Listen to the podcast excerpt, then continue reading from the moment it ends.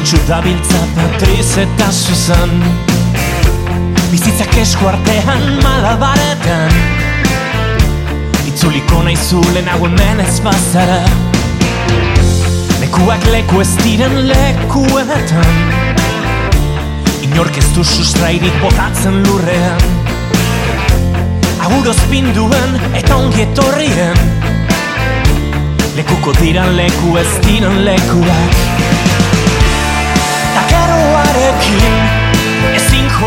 ¿Qué tal estáis? Os saludamos desde la Casa de la Palabra. Nos espera una travesía en moto por África y Sudamérica y un largo recorrido en coche de Bilbao a Katmandú. Entre medio nos daremos un baño de bosque en Japón.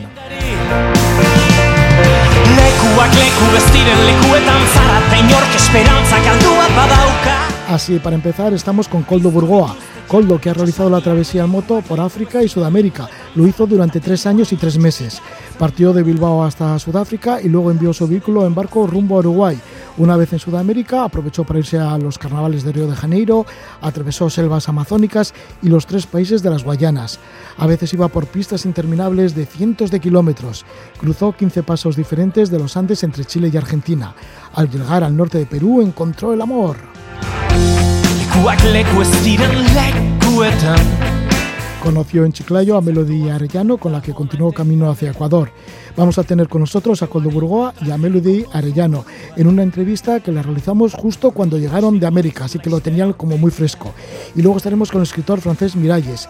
Desde hace varios años viaja a menudo a Japón para empaparse de la cultura y el alma japonesa. En cierta ocasión se trasladó al pueblo de Ogimi, en la isla de Okinawa, en donde investigó por qué sus habitantes tienen una vida tan longeva, pues suelen pasar mmm, pues más de los 100 años. Así que le preguntaremos sobre esto y también por una de sus obras, la titulada Shirin Yoku, el arte japonés de los baños de bosque. Y ya para terminar, pues estaremos con Iker Mediavilla y Paqui Vicedo, son escaladores ellos son de Arrigorriaga, fueron de Bilbao a Katmandú. Lo hicieron en coche, con remolque, donde cargaban material humanitario con destino a las aldeas de, a la aldea de Ascole, en el Karakorum, al norte de Pakistán. Una vez entregado el material, continuaron por India hasta Nepal y allí hicieron un trekking en el Lama Dablan y además lo hicieron en compañía de Ale Chicón. A esta expedición le han denominado Road to Himalaya. Así que nos iremos eh, hacia el Himalaya conduciendo un coche con Iker y con Paqui, pero antes vamos a estar con Coldo Burgoa y con Melody Arellano para que nos hablen de sus aventuras por Coldo, por África y Sudamérica, y Melody, bueno, pues lo que le tocó de trayecto por Sudamérica. Así que ya comenzamos con La Casa de la Palabra. Afinal, que é a vida? Se não há tempo pra reparar, num deslize tudo muda. Num segundo tudo vai mudar. É. Voltei pra casa o mais rápido que pude. É me despedir de quem me disse que amar não é virtude. Coração acelerado só de imaginar você vestindo a minha camisa, correndo pra me abraçar. Eu não desisto, e aí? Insisto, mais um pouquinho. Cancela tudo e me beija devagarinho. Que o melhor da vida vem, vem. E no final de tudo a gente sempre fica bem. Tá tudo bem, tá tudo bem. No final de tudo a gente sempre fica bem. Tá tudo bem, tá tudo bem. A gente se dá bem. Dia de chuva, um vinho bom no sofá, na noite escura. La gente se da bien, la gente está bien, es el tema que cantan Gabriel Gonti y Ana Gabriela. Gabriel Gonti, que tiene dos discos. El primero de ellos se llamó El Eterno Viajante y este último, Gonti. Música de Brasil para hablar con Coldo Burgoa y con Melody Arellano. Melody Arellano llega desde Chiclayo, al norte de Perú, y Coldo Burgoa llega desde aquí, desde el País Vasco. Coldo Burgoa se ha ido tres años y tres meses a recorrer el continente africano y Sudamérica en moto. A la altura ya del final del viaje, cuando estaba por Perú, porque todo terminó en Colombia, cuando le faltaba Perú, Ecuador y Colombia, las últimas etapas, pues allí en Perú conoció a Melody Arellano, que la acogió en su casa, ya que él practica el couchsurfing. Así que le saludamos a Melody Arellano. Bienvenida, muy buenas noches, ¿Qué Melody. tal? Gracias. ¿Cómo es el destino que has terminado por aquí, no? Por el País Vasco. Sí, creo que el amor cruza fronteras. y nunca mejor dicho, ¿verdad? Porque ha cruzado muchas fronteras, porque luego, junto con Coldo, sí que de Perú por el norte de tu país, pues ya pasasteis a Ecuador, llegasteis hasta Quito y luego, bueno, pues te has saltado a Europa. Y además creo que era la primera vez que viajabas. Sí. La primera vez que, saca- que salías de, de De tu Perú, país. sí, sí. Estaba en, en etapa de estudio, así que me he encontrado en la mejor etapa de mi vida, en la que puedo decir sí a todo, como venirme hasta acá. eh, me he encontrado en la mejor etapa y, y nada. A lo que lleva el viaje, ¿eh, Coldo? Porque cuando saliste desde Bilbao a recorrer el mundo en esos tres años, porque eso pensabas, ¿no? Recorrer el mundo durante Sí, tres años. La idea era dar una Y lo vuelta ibas a hacer en mundo. moto. Y lo iba a hacer en moto. Eh, durante el viaje, el viaje se fue ralentizando un poquito, un poquito, un poquito y al final acabó siendo pues la visita a dos continentes, de lo cual no me arrepiento porque así he podido conocer mucho más sobre las culturas, las gentes y, y los países en sí que he ido visitando. Y genial, Mm, lo que no ha sido una vuelta al mundo ha sido un viaje de tres años y tres meses y eso, y lleno, cargadísimo de experiencias y me lo he pasado genial. Sí, experiencias que vas buscando y que ya las habías vivido anteriormente, ¿no? Porque sí que eres un viajero que llevas ya como, yo que sé, más de 10 años viajando, más o menos, ¿no? Sí. Y luego además fuiste uno de los pioneros aquí en el País Vasco de, de practicar el couchsurfing. Sí, cuando yo empecé en Couchsurfing todavía no era una página web tan conocida como lo es ahora, éramos poquitos en la comunidad de aquí y gente que alojásemos, pues eso, pues seríamos unas 20 personas. Ahora ya seguramente habrá un par de cientos. Eh, por aquel entonces, cuando estábamos empezando, pues yo empecé tanto alojando mucha gente cada semana eh, como viajando con Couchsurfing. Así empecé a conocer pues Europa, también hice por Marruecos, etcétera. Y la verdad es que fueron todas experiencias muy buenas y por eso cada vez me he ido animando a hacer viajes pues más largos, seguramente más complejos, tanto en moto como este, en autostop también, mm, en transporte público, pero Couchsurfing siempre ha sido un poquito el eje que, que todos los, los comunicaba, ¿no? Inclusive llegaste a realizar junto, esta vez con una chica polaca, Gosia Moscava, una ruta desde Vladivostok hasta Bilbao. Lo hicisteis en autostop y utilizando el couchsurfing. Sí. O sea que os salió bastante barato por aquel entonces. Bueno, eso creo que ya ahí batimos todos los récords de gasto, o sea, fue gasto nulo prácticamente. Eh, haciendo autostop obviamente no gastas nada, encima en Rusia no nos dejaban pagar tampoco las comidas, ni los cafés, ni las cervezas cada vez que paraban el coche porque éramos invitados en su país, según ellos nos decían, entonces nos invitaban a todo y luego eh, nos quedábamos nos- alojados en casa de, de gente, de, de rusos propios de cada ciudad, con Couchsurfing. Entonces, realmente fue, fue un verano que yo creo que ganamos dinero y todo. Y en el caso de ahora, de tres años y tres meses por África y Sudamérica, ¿en donde te has alojado? También has utilizado el couchsurfing, claro. He utilizado muchísimo Couchsurfing. Luego, al llegar a Sudamérica, vi que ahí hay redes de apoyo entre moteros, eh, que son moteros que se organizan en grupos de WhatsApp y por Facebook que alojan a otros moteros. Entonces, entre Couchsurfing y las redes de apoyo de moteros, pues en cuanto a alojamiento he gastado muy poco.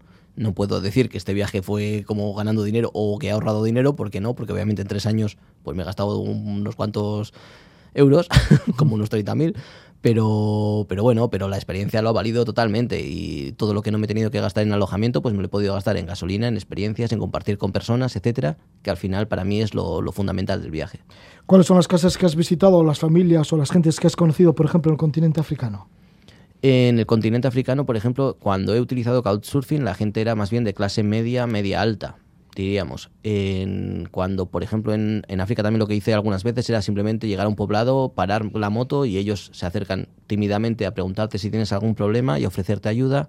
Y cuando tú les dices, mira, no, no, problemas no tengo en sí, pero bueno, pues tendría que pasar la noche en algún lugar y tal. Y te llevan a hablar con el jefe de la tribu, del poblado, vamos, digamos.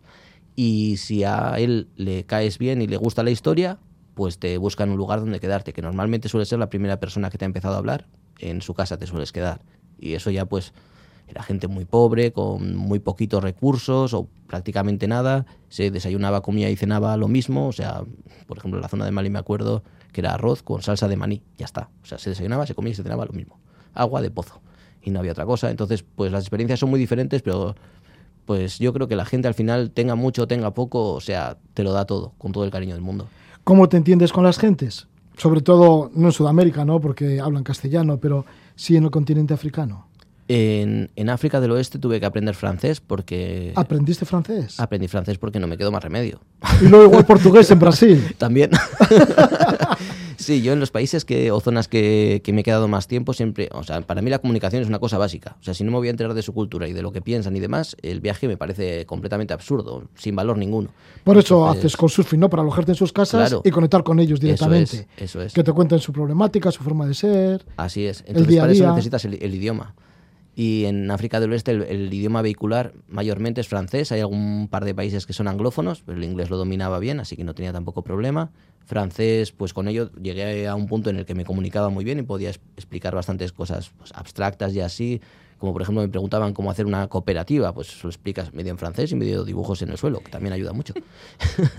Porque explicabas cómo hacer una cooperativa. Porque me preguntaban lo- los productores de cacao y demás de cómo, o sea, pues, pues que había grandes empresas eh, de Bélgica y demás que hacían chocolate y tal, pero que a ellos les pagaban una mierda por lo que era la semilla de cacao, etcétera. Y entonces que querían ver cómo se podía eh, ganar más. Y yo les decía, ¿por qué no os organizáis en cooperativas? Y me decían, ¿pero qué es una cooperativa? Entonces, claro, me tuve que explicar que era una cooperativa, que ellos no les sonaba de nada. Y, y eso, pues para eso necesitas el idioma y luego aparte tener grandes dotes comunicativas, porque tampoco mi nivel de francés era como para explicar absolutamente todo. Entonces ya te digo, me ayudaba con dibujos en la arena del suelo con un palito y así. Y no, y entendieron bien las cosas, o sea que tan mal no me explicaría. Ya, bueno, y que fuiste aprendiendo francés. Sí. En Sudamérica, En Sudamérica, eh, mayormente con, con el español, pues por lo general entienden. Oye, no sé, no sé por qué, porque hablan raro también, ¿eh? Pero no, sí que hay muchas cosas que son diferentes. Y ríe Melody porque sí. Sí, por ejemplo, cantar el Happy Birthday. Eso es, en Perú estábamos una pareja de argentinos y yo en su casa y era el cumpleaños de su madre y los argentinos y yo ya estábamos ahí con el pulmón En hinchado la para casa decir- tuya, Melody. Sí, Sí. para decir cumple y empiezan Happy Birthday y nosotros nos mirábamos como pero ¿qué ha pasado? O sea, ¿cuándo hemos cambiado de país o de continente? ¿De ¿Qué mierda es esto? ¿Por qué estáis cantando Happy Birthday en Perú? Se Y- divertía porque lo cantamos en inglés y ellos dicen que si somos un país que hablamos español, ¿por qué no cantamos cumpleaños feliz? Entonces él esperaba cantar eso y nosotros todos cantamos el Happy Birthday. Y decía que, o dice que utilizamos muchas palabras en inglés eh, eh, sin necesidad de que sepas el idioma, pero usamos palabras concretas en inglés y en español. Entonces siempre son...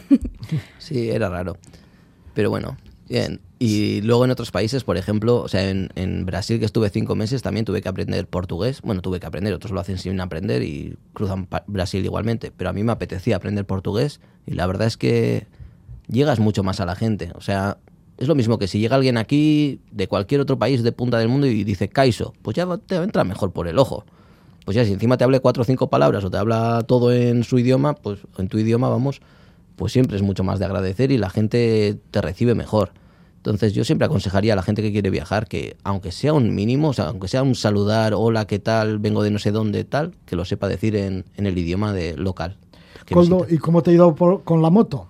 Cruzando África, también Sudamérica, porque muchas Pues veces no ibas por zonas de asfalto, ¿no? Bueno, generalmente sí, pero por ejemplo en Sudamérica una buena parte del recorrido, o por lo menos más de 500 kilómetros de Brasil a Bolivia, lo hiciste por pistas Sí, y recorriendo además zona de la Amazonía. sí. de- Esto en Sudamérica, porque en Sudamérica también, por ejemplo, las Guayanas, que es como bastante selvático, también estuviste por pistas. Y luego en África también te tocaría algunos sitios. He hecho muchísimas pistas, sí, todo, desde la Guyana prácticamente hasta Bolivia, es algunos cuantos kilómetros, todo lo demás es pista de tierra. Con mojado es puro barro, es bastante complicadillo. Por todos los, los cruces entre Chile y Argentina, o la mayoría de los que he hecho también eran pistas de tierra, gravilla, etcétera. También algunos complicadillos, otros no tanto. En África también me he salido mucho de carretera para hacer pistas. Eh, no sé, ¿cómo explicarte cómo era la moto, cómo ha funcionado la moto? Pues mira, mi padre cada vez que, hablábamos por videollamada o, o demás, o me escribía por WhatsApp, lo primero que me preguntaba, hola, ¿qué tal? ¿La moto sigue andando? Y yo le decía, sí, ahí está, esta moto es indestructible. Yo lo intento, ¿eh? Mira que se cae cada día, se le suelta no sé qué, tal, vuelve a caerse, porque yo soy pequeñito y la moto era alta. Entonces no es que, se, que me golpease ahí a 50, 200 kilómetros por hora, no. O sea, era medio emparado, pero golpe para aquí, golpe para allá, o en tierra se te culea, y eso sí que ya es a 50 o 70 kilómetros por hora, sales por orejas, y la moto la levantaba y seguía andando. O sea, es una moto indestructible. Yo creo que me voy a comprar la misma. Sí, porque Melody, también has conducido esta moto, ¿no? Y la rompió. Y la rompí como la, La maneta, la maneta, la maneta se rompió. Ah, ya, ya, porque decías que era una moto indestructible. Entonces, Sí, sí, sí. sí. ¿Cómo fue tu propia experiencia? Eso de salir del Perú, por primera vez sales del Perú, desde de Chiclayo, desde tu ciudad al norte del país, y ya os vais para, para Ecuador. Y lo Bien. hacéis en moto. Sí, sí, bastante anecdótica desde conocer a, a- a gente, eh, gente común que te ofrece hospedarte, te ofrece lo poco que tiene y, que lo da de corazón. Entonces se siente muy bonito estar en cualquiera de esas casas y, recibir lo que te dan. Así no tengan una, eh, no sé, eh, las comodidades que, uno quisiera, pero lo poco que tienes te sientes muy cómodo porque la gente te hace sentir cómoda. Entonces, con respecto a gente, creo que fue buena experiencia y- y saber que todavía existe gente buena. Porque según yo, decía, no, la gente es mala. Si yo salgo fuera, nadie te va a dar ayuda, según yo decía. Pero cuando sales te das cuenta de que no, que sí, sí hay gente muy buena. Y, y nada, el tema de viajar en moto, también divertido.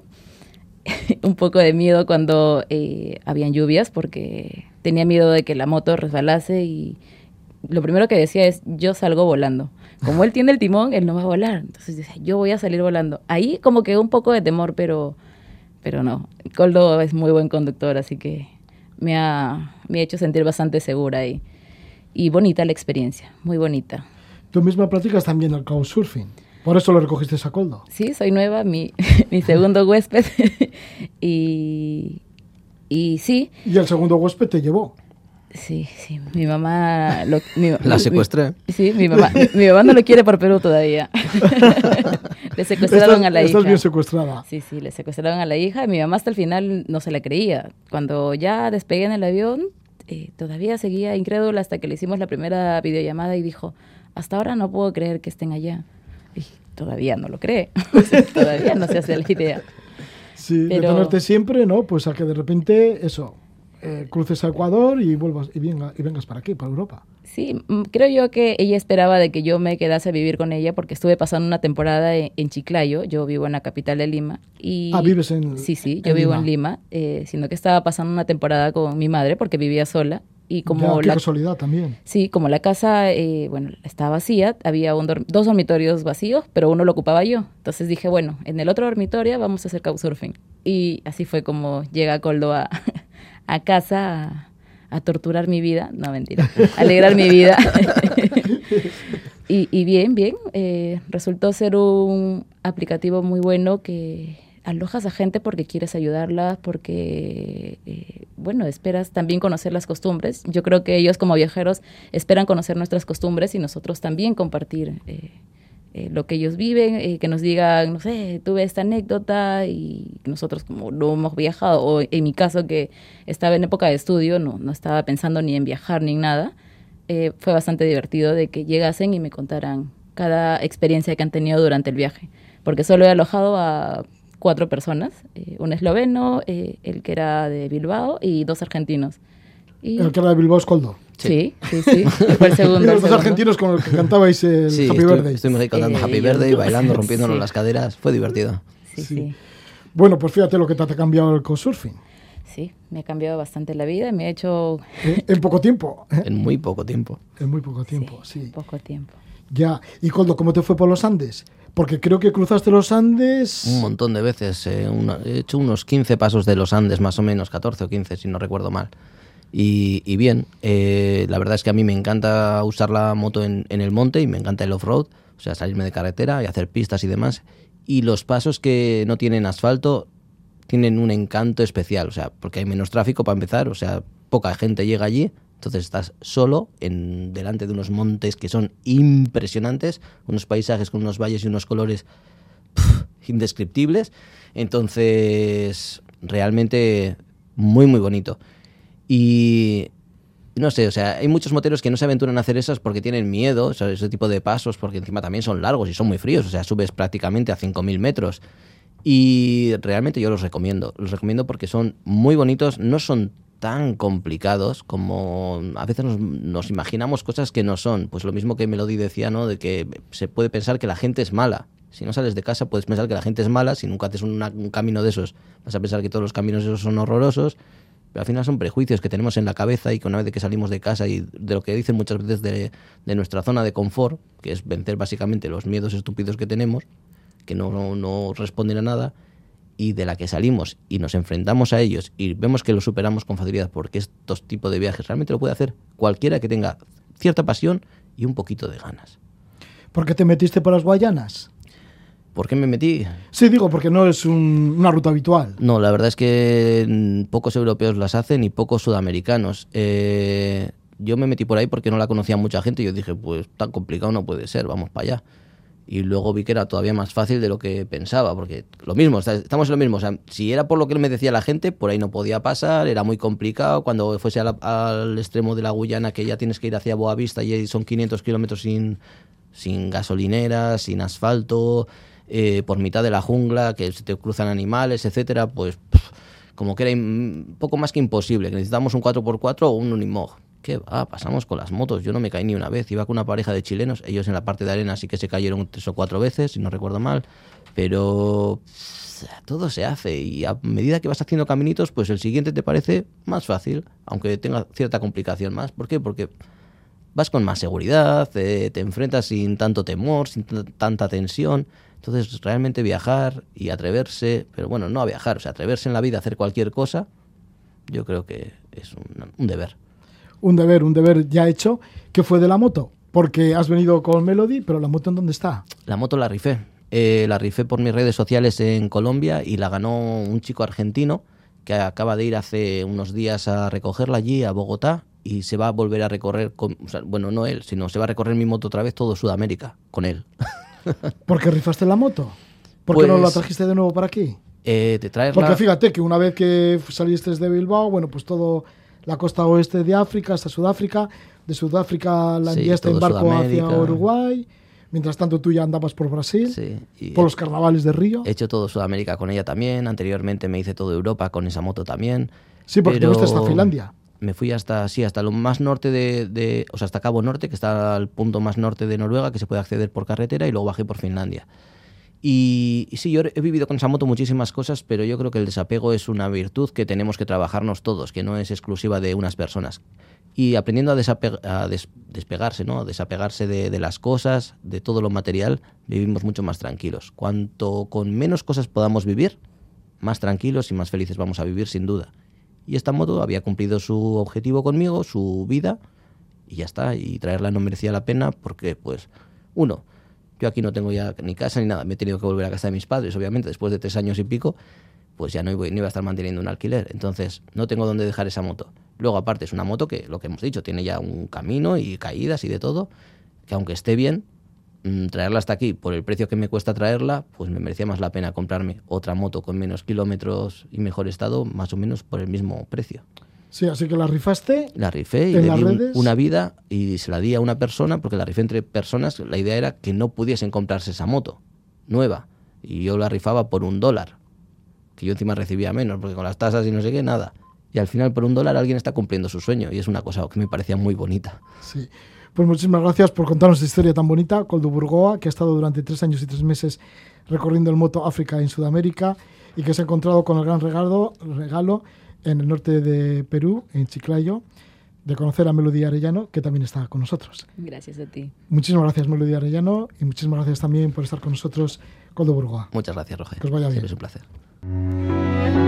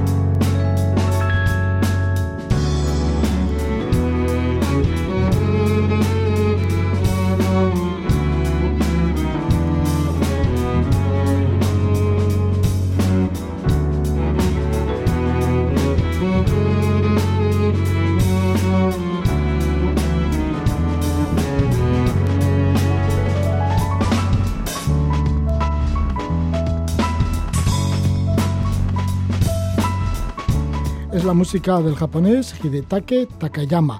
Vamos a hablar de una parte de la filosofía japonesa en relación con los bosques y para evitar el estrés. Vamos a hablar del libro Shinrin Yoku, el arte japonés de los baños de bosque, que viene a ser el arte japonés para vencer el estrés mediante la naturaleza. De ello hablan en un libro Héctor García y Francés Miralles. Tenemos con nosotros a Francés Miralles, él es nacido en Barcelona, estudió filología alemana, fue editor, es músico y es escritor y periodista especializado en crecimiento personal. Autor también del libro Ikigai, un libro que se publicó anteriormente que llevaba el subtítulo de Los secretos de Japón para una vida larga y feliz, que ya tiene 42 traducciones. Francés Miralles, bienvenido, muy buenas noches. Buenas noches. Francés, bueno, pues reincides en, en Japón y en la filosofía japonesa y en este caso pues en el arte japonés de los baños de bosque, el Shinrin Yoku. ¿De qué se trata el Shinrin Yoku? Sí, a ver, esta es una disciplina impulsada desde el propio gobierno japonés que realizó muchos estudios médicos en los cuales se implicaron universidades que querían saber las diferencias en la salud de las personas que tienen un contacto mm, regular con la naturaleza, mínimo un día por semana ir al bosque, ir al campo, estar en contacto con el verde, y la población que está solo en la ciudad. Entonces, uh, hicieron pruebas con los mismos sujetos, además, con un cambio de hábitos que les animaban a vivir cuatro o cinco horas por semana en un entorno de bosques centenarios. Y en 1982, que es cuando aparece la palabra Shinrin-yoku, que literalmente significa baños de bosque, llegaron las conclusiones de que las personas que visitan los bosques con regularidad, pues tienen mucha mejor salud en el sentido que uh, padecen menos estrés, menos, se reduce la tensión arterial, duermen mejor, tienen un estado de ánimo más elevado, reducen las preocupaciones, etcétera. Entonces, a partir de aquí se empezó a promover uh, lo que son los baños de bosque, hasta el punto que hoy en día en Japón las mutuas médicas que tienen asegurados a millones de trabajadores pagan autobuses para llevarse a los empleados un día al mes como mínimo al campo, porque les sale más a cuenta esto que no pagar en tratamientos, bajas y medicaciones. En el anterior libro, Ikigai, os fuisteis a Okinawa para saber cuál era el secreto, la clave de la longevidad de los ancianos de Okinawa, que son los que más viven de todo el mundo, ¿no? Sí. Y, y también ellos tenían ese contacto con la naturaleza, con los bosques. Sí, eh, justamente el pueblo que tiene el récord Guinness mundial de longevidad está al norte de, Okinawa, se llama Ogimi, y está en medio de la selva, bueno, de una selva subtropical que hay allí, y es una población de 3.000 habitantes, agrícola, que viven de los árboles frutales y allí tienen uh, el mayor índice de centenarios cada mil habitantes del mundo. Entonces, uh, aprovechando que Héctor vive en Japón desde hace 14 años y que está casado con una mujer de Okinawa, pues hicimos los contactos necesarios para poder entrevistar a los 100 más viejos del pueblo. Y eso fue muy interesante y, redundó en, en, un ensayo que has mencionado ahora que se llama Ikigai, y que luego al final ha dado la vuelta al mundo. O sea que este estudio de dos apasionados de Japón en un pueblecito que lo llaman cariñosamente la aldea de centenarios, pues ha acabado en las librerías de, de todos los países donde se venden libros del mundo prácticamente. Les preguntabais en este libro a estos centenarios por su dieta, por el ejercicio físico, por las relaciones con los vecinos y también por el Ikigai, de ahí el título del sí. libro, aquello que los impulsa a salir de la cama, ¿no? Para vivir un día más. Bueno, eh, de hecho, Ikigai era una palabra que ellos utilizaban mucho. Nosotros en un principio lo que queríamos saber era su estilo de vida, sus hábitos, cómo se relacionaban entre ellos, qué cosas les gustaban, qué, le, qué, les hacía ilusión. Era la primera vez que esta población era entrevistada desde un punto de vista psicológico, aunque aparecen en muchos artículos y en estudios quizás más universitarios. Entonces, muchos mencionaban el ikigai en el sentido que todos ellos tienen una pasión, algo que les motiva un propósito vital que hace que cada día tengan ganas de levantarse de la cama. Y al ser una población de medio rural, lógicamente estas pasiones están relacionadas con, con, lo que hay en el pueblo, que son pocas cosas. Entonces, por ejemplo, todos estos centenarios tienen o tenían, los que aún estén ahí, un huerto. Entonces, un ikigai para ellos, una, una pasión, una, un impulso cada mañana, era pues levantarse muy prontito, a las cinco y media, a las seis, ver uh, si ha crecido algo respecto al día anterior y, y, si hay alguna verdura para recolectar, pues inmediatamente ya se hacen planes de irla a compartir con algún vecino, mostrarla, llevarla al mercado, lo que cada cual tenga pensado en eso. Y el otro Ikigai que mencionaron todos los entrevistados era la relación con sus amigos. Porque mmm, hay que explicar que en Okinawa, y sobre todo en estos pueblos de la selva, mmm, la religión principal no es ninguna de las japonesas. O sea, no es ni el sintoísmo, ni el zen, ni el cristianismo, que también está presente en muchos lugares de Japón, sino que es una religión de corte animista, uh, en la cual ellos veneran a Bunagaya, que es un duendecillo de la naturaleza. Entonces, uh, son sociedades con un espíritu tribal, aunque la gente viste de forma moderna, y hay grupos de 20, 25 personas en cada área, porque es una extensión muy grande de campo, que se ayudan los unos a los otros como si fueran familia, aunque no tengan lazos de sangre entre ellos, y un gran ikigai para todas estas personas era todas las tardes estar juntos. Así que las relaciones sociales y también, pues eso, estar en contacto con la sí, naturaleza. Algo que te gusta hacer cada día, que en este caso, como son personas sencillas, es labrar el huerto, a cuidar de tu jardín, cuidar de, de, de tus verduras y a compartir tu tiempo con los amigos, con estas personas que te han visto crecer quizás y que llevas toda la vida uh, sabiendo todo de ellos. Son relaciones mucho más estrechas de las que estamos acostumbrados aquí a tener.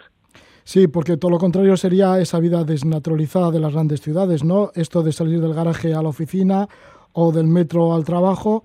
Y es que en el libro, ahora volvemos de nuevo a Shinrin Yoku, al nuevo libro, en el nuevo libro decís que el ser humano no está hecho para vivir como una rata de las alcantarillas.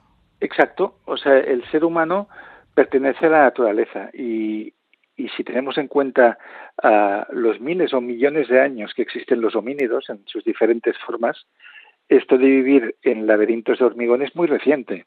O sea, es un 0,01% de la historia humana. Entonces, el cerebro se ha adaptado de alguna manera a que vivamos eh, en estas cápsulas de, hormigón, pero uh, realmente hay, hay, algo dentro de nosotros que reclama estar en contacto con lo natural. Y por eso todos los estudios que se han hecho en la disciplina del Shinrin-yoku en Japón demuestran que en las ciudades la incidencia de la depresión, de los trastornos de ansiedad, de obsesivos son mucho mayores que no en el campo, que es un medio natural en el cual el ser humano se siente en casa.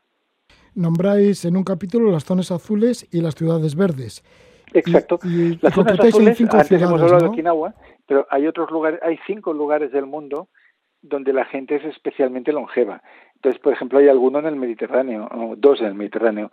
Uno creo que pertenece al sur de Italia y el otro es un, una isla griega donde también hay mucha gente anciana. Entonces, mm, de todos modos, si consideramos la longevidad a, a nivel de países, España es, es, uno de los primeros del ranking. Japón es el primero, pero no sé si va variando esto, no sé si era el segundo o el tercero en longevidad. Sí, en estas ciudades tan longevas nombráis Okinawa, la que has comentado sí. en Japón, la que conocéis bien. Luego también en la isla de Cerdeña hay algunos puntos. Luego Exacto. está Lola Linda en California, la península sí. de Nicoya en Costa Rica y Icaria en Grecia. Exacto. Y todas estas comunidades son lugares pequeños, uh, tienen cosas en común con este pueblo de, de, Ogimi. Y es mm, vida ligada a la naturaleza, hay lugares lógicamente más frondosos que otros. En, en, Grecia, pues por el calor es un paisaje de, de, pinos y es otro tipo de paisaje, pero hay el mar también, que es otra forma de Shinrin-yoku, ¿no? Son lugares donde la naturaleza es predominante, donde las comunidades están muy unidas, o sea, donde todo el mundo conoce a todo el mundo y nadie tiene este sentimiento de soledad que existe en las grandes ciudades, donde hay ancianos que viven en su pequeño piso y no les llama nadie en todo el día y están delante del, televis del televisor literalmente consumiéndose de pena y de soledad.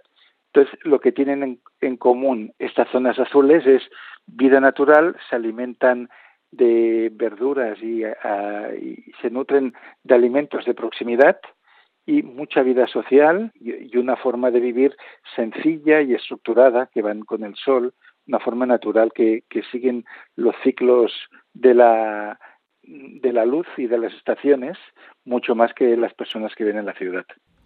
La ciudad que debe integrarse también en la naturaleza y Japón es una buena muestra de ello, según lo vais en Japón lo que hay es una ah, separación muy estricta entre lo que es la ciudad y lo que es el campo, a un nivel que no podemos ni imaginar en Europa, porque en cualquier país europeo, pues hay gente que vive en ciudades, hay gente que vive en pueblos, y luego hay aldeas y hay casas que están por ahí.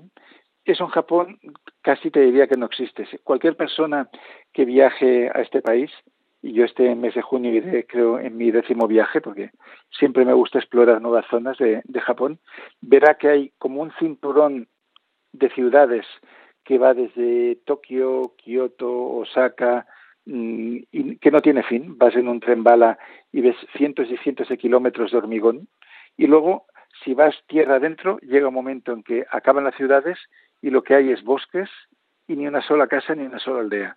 Porque los japoneses son una sociedad muy gregaria que les gusta estar juntos y ah, el hecho de vivir en una pequeña localidad con cuatro casas o, una cabaña mm, es cosa considerada de locos, mucho más que aquí. Por lo tanto, los japoneses veneran la naturaleza y de hecho en la religión más ancestral de Japón, que es el sintoísmo, los dioses están en la naturaleza y eh, incluso un templo puede ser el mismo bosque que está limitado por una cuerda y los espíritus, los kamis, estos de las películas de Ghibli, son seres que habitan en el agua, en la corteza de los árboles, en las hojas, pero al mismo tiempo la veneran, pero les da cierto miedo a vivir en ella. Por lo tanto, viven agrupados eh, todos en, las grandes ciudades. ¿Qué son los fitoncidas y su poder sanador? Sí, los fitoncidas, eh, exacto. Ah, esto empezó a estudiarlo un equipo de biólogos ruso hace ya más de medio siglo y ah, descubrieron que los beneficios que tiene el bosque para la gente que vive en ellos o, que van un día por semana al bosque, porque se ha demostrado que los beneficios de, estar cuatro o cinco horas en medio de un bosque centenario se alargan cinco o seis días, descubrieron que todo esto viene sobre todo por unos venenos naturales que exhalan las plantas y que son eh, unos venenos defensivos, o sea, todo lo que es verde, las hierbas, las hojas, eh, eh, el ramaje de, las plantas, tiene como unos pequeños ah, venenos invisibles, lógicamente, al ojo humano que le sirven para protegerse de insectos, de parásitos, de, hongos y, por lo tanto, lo que hacen es preservar la salud de estas plantas y árboles. Y esto llega al sistema respiratorio del paseante de, de la persona, del animal, en este caso del animal humano, y ah, como es un veneno en una pequeña cantidad, en lugar de perjudicarnos, lo que hace es que refuerza nuestro sistema inmunitario. Con lo cual, las personas que pasean en el bosque, por ejemplo, en estudios que se han hecho de Shinrin-yoku, se ha mostrado que tienen una mayor proporción de células NK, que son los natural killers, que son los soldados celulares contra el cáncer. ¿Por qué? porque estas fitoncidas van inmunizando y reforzando el sistema inmunológico de las personas. Los beneficios del bosque ya desarrollado como terapia y también como beneficios a, la salud dentro de lo que es el Shirin Yoku, el arte japonés de los baños de bosque. Estamos con uno de los autores de este libro, Shirin Yoku, eh, Francés Miralles, que junto con Héctor García son los, los que han hecho esta obra. Y también no solo habláis del bosque, sino también del respeto que tienen los japoneses hacia los árboles, ¿no? Porque en Japón los árboles viejos y sabios tienen prioridades sobre lo nuevo y lo artificial. Exacto, o sea, hay, tal como sucede también hoy en día en Estados Unidos, gracias a, la obra de naturalistas como John Muir, que convenció a Roosevelt de la importancia que de tener parques nacionales, antes no existían, pues también en Japón hay árboles que son verdaderos monumentos nacionales. Por ejemplo, en mi último viaje en Japón, que fue el año pasado, fui al sur, en la zona donde crece el mejor té del mundo, en Ureshino se llama, y allí la gente local lo que me quiso llevar a ver es un árbol de té que tiene 300 años. O sea que para ellos este árbol, que lógicamente ya no da té, porque está como fosilizado casi, e, era importante para demostrar que allí en esa época ya hubo gente cultivando té y, disfrutando de, de, toda, de todo este arte. Y el hecho de mm, la, mitología del árbol y de los bosques también tiene su representante en Europa, concretamente a través de la cultura celta. Si vemos las antiguas leyendas de, de Merlín y de los celtas, veremos que nos hablan de bosques mágicos, que ya en aquella época abrazaban los árboles, cosa que hoy en día lo hacen los neo-hippies, ¿no? Los, estas ah, culturas neopaganas como el Wicca y, otras tradiciones que hay, pues los celtas ya tenían la creencia de que abrazar un árbol era una manera de recargarse energéticamente por lo tanto también existía un enorme respeto hacia el poder sanador del bosque. Pues ahí está ese poder sanador del bosque a través de este tipo de filosofía o de terapia o de bueno pues de práctica beneficiosa para la salud como es el Serring Yoku. Aquí nos quedamos con estos baños de bosque con este libro de Héctor García y Francés Miralles con nosotros, Senrin Yoku, que lo edita Planeta. Pues muchísimas gracias, Francés Miralles, por estar con nosotros y por habernos hablado de este arte japonés, el Senrin Yoku. Gracias a vosotros y felices paseos por el bosque.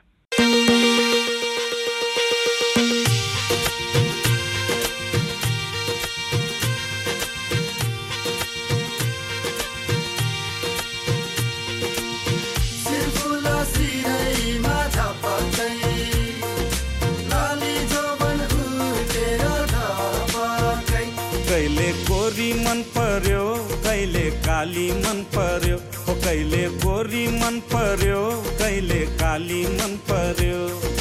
ससुराली टेकेपछि साली मन पर्यो।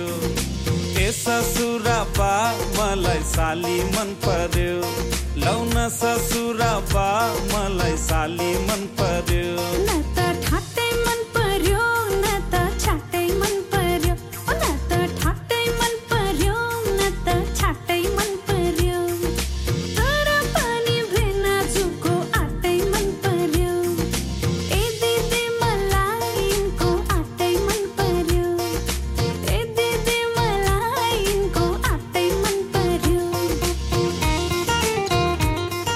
Música nepalí de Kali Prasad Bascota. Vamos a acercarnos a Nepal, lo vamos a hacer en un coche que llevaba un remolque detrás. Se fueron desde Bilbao hasta Kathmandú y tenemos a dos de los protagonistas de este camino que lo han llamado Road to Himalaya. Así estamos con Iker Mediavilla. Iker, Gabón. Caizo, Gabón. Paqui Vicedo, Gabón. Gabón. Sois escaladores aficionados a la montaña, Iker de Arrigorriaga, Paqui es natural de Cádiz, pero vive desde hace ya nueve años en Arrigorriaga, y habéis hecho 14.500 kilómetros de Bilbao a Kanmandú en este roato Himalaya en 29 días de carretera, más luego un trekking hacia el campo base de la Madablan. Una idea que supongo que se le ocurrió a Lechicón, porque sois buenos amigos de Lechicón, sí. y es que ibais en camino a Lechicón para llevarle el material de montaña también a Alex en Kanmandú. Y luego juntos sí que os fuisteis a la Madablan. Bueno, ¿cómo fue, cómo fue, ha sido, cómo ha sido todo? Porque sí que hicimos aquí en este mismo programa, en la Casa de la Palabra, una conexión cuando estabais en Bulgaria, frontera ya con Turquía. Ahí os dejamos. ¿Cómo ha sido todo lo demás? Pues bueno, eh, ha sido un viaje que ha ido de menos a más. en general, cuando hablamos en Bulgaria todo iba muy bien y, en poco tiempo se torció un poco, pero bueno, ha, ido, ha sido un viaje bonito. Sí, porque se torció una vez que ya entrasteis en Turquía y en Asia y así las cosas fueron cambiando. Sí, sí, cambió. Cambió la entrada de que no nos dejaron entrar en Irán. Entonces tuvimos un parón de tres días en Turquía arreglando papeles de coche.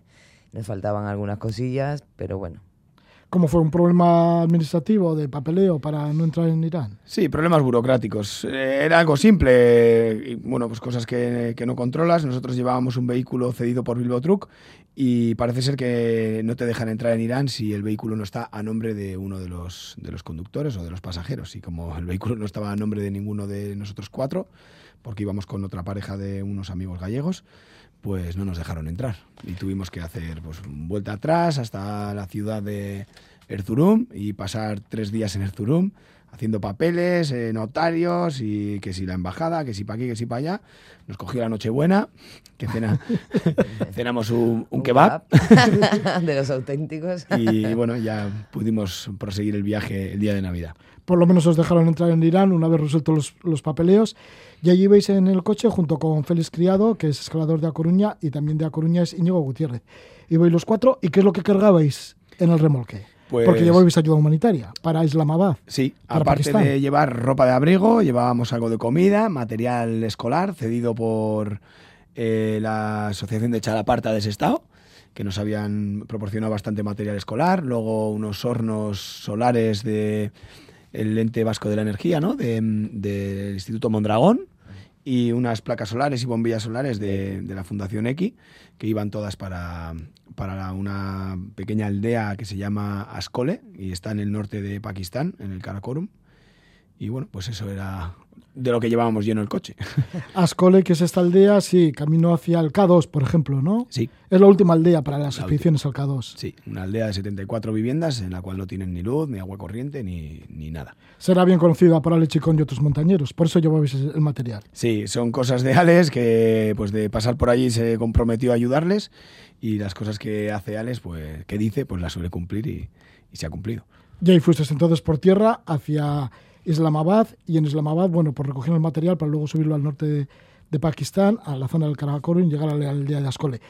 ¿Cuál era vuestro contacto en Islamabad? Porque claro, llevabais en el remolque todo un cargamento humanitario. Entonces, ¿con quién teníais ahí el contacto? Con- Pues habíamos quedado por una parte con el profesor del maestro de la escuela de Ascole, un chico joven que por cierto va a venir este O sea, año. que bajó a de, del Karakorum allí a Sí, Islamabad. sí, sí, que a ya está, nos dijo que había estado en Euskadi una vez y este año creo que va a venir a sí, estudiar a a Euskadi. estudiar un máster, sí. a hacer un máster y luego va a volver. Un, un- un chico maravilloso, joven, que lo, lo ha dado todo por estar allí con esos niños. Ahí se ve la vocación que tiene Sí, ese hombre. sí.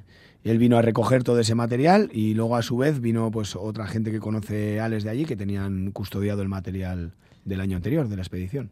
del K2. Les va a venir muy bien entonces todo el material que habéis llevado. Genial. Sobre todo las cocinas solares. Sobre todo los hornos solares, porque Los hornos solares, porque ¿no? en esa zona pues no tienen medios para medios de combustión para poder cocinar. Entonces utilizan el bicarbonato, bicarbonato sódico para que la comida se haga antes, y lo cual hace que tengan una esperanza de vida de entre 40 y 45. 50 años.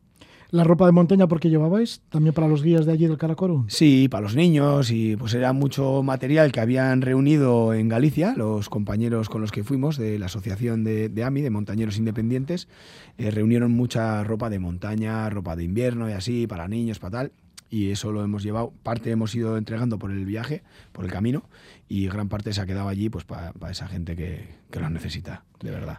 Entonces descargasteis ese material humanitario y cargasteis material de montaña que lo necesitaba Ale Chicón para la expedición que está haciendo ahora invernal al Everest.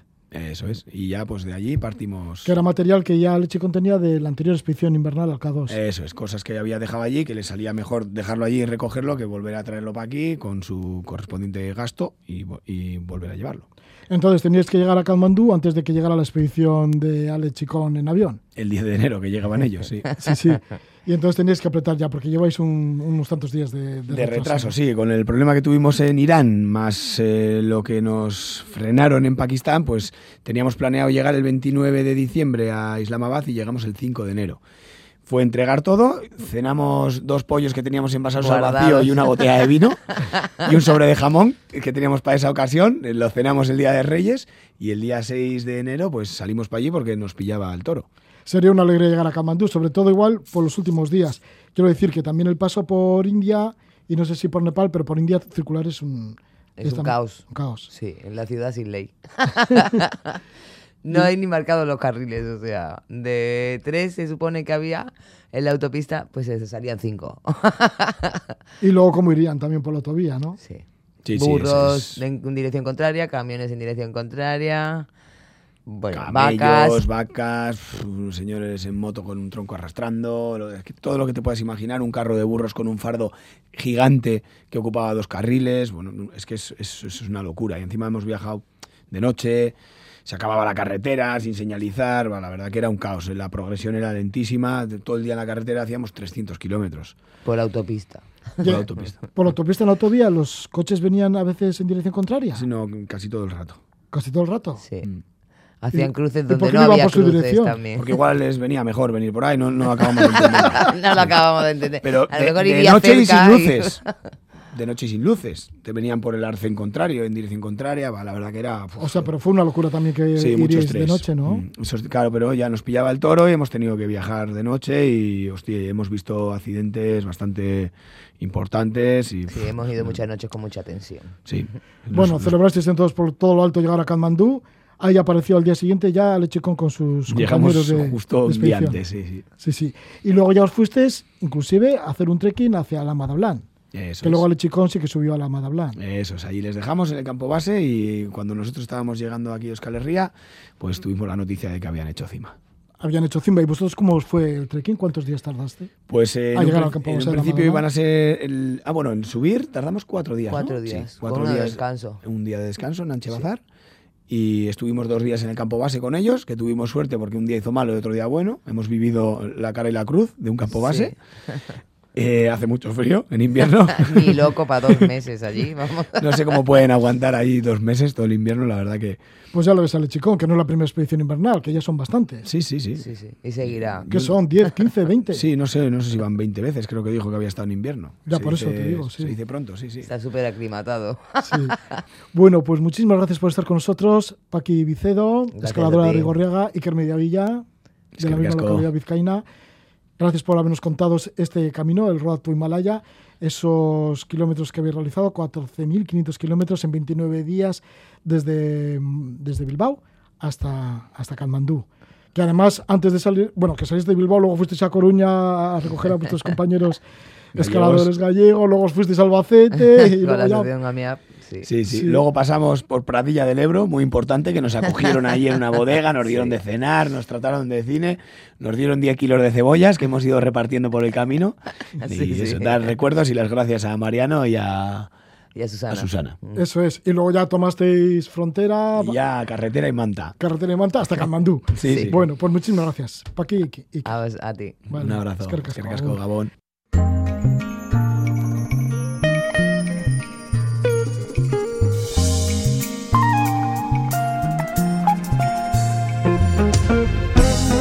Iker Mediavilla y Paqui Vicedo en su larga trayectoria, en su largo recorrido, Road to Himalaya. Esta ha sido la última entrevista de la Casa de la Palabra y ahora vamos a ir con la música de Jarvis Cocker en solitario, en un disco en el que hace versiones de temas franceses. Jarvis Cocker, que ha sido conocido por miembro de Pulp y porque fue uno de los personajes fundamentales de lo que se llamó el movimiento British Pop, aquí en solitario, cantando en francés. Que vaya todo bien, que disfrutéis.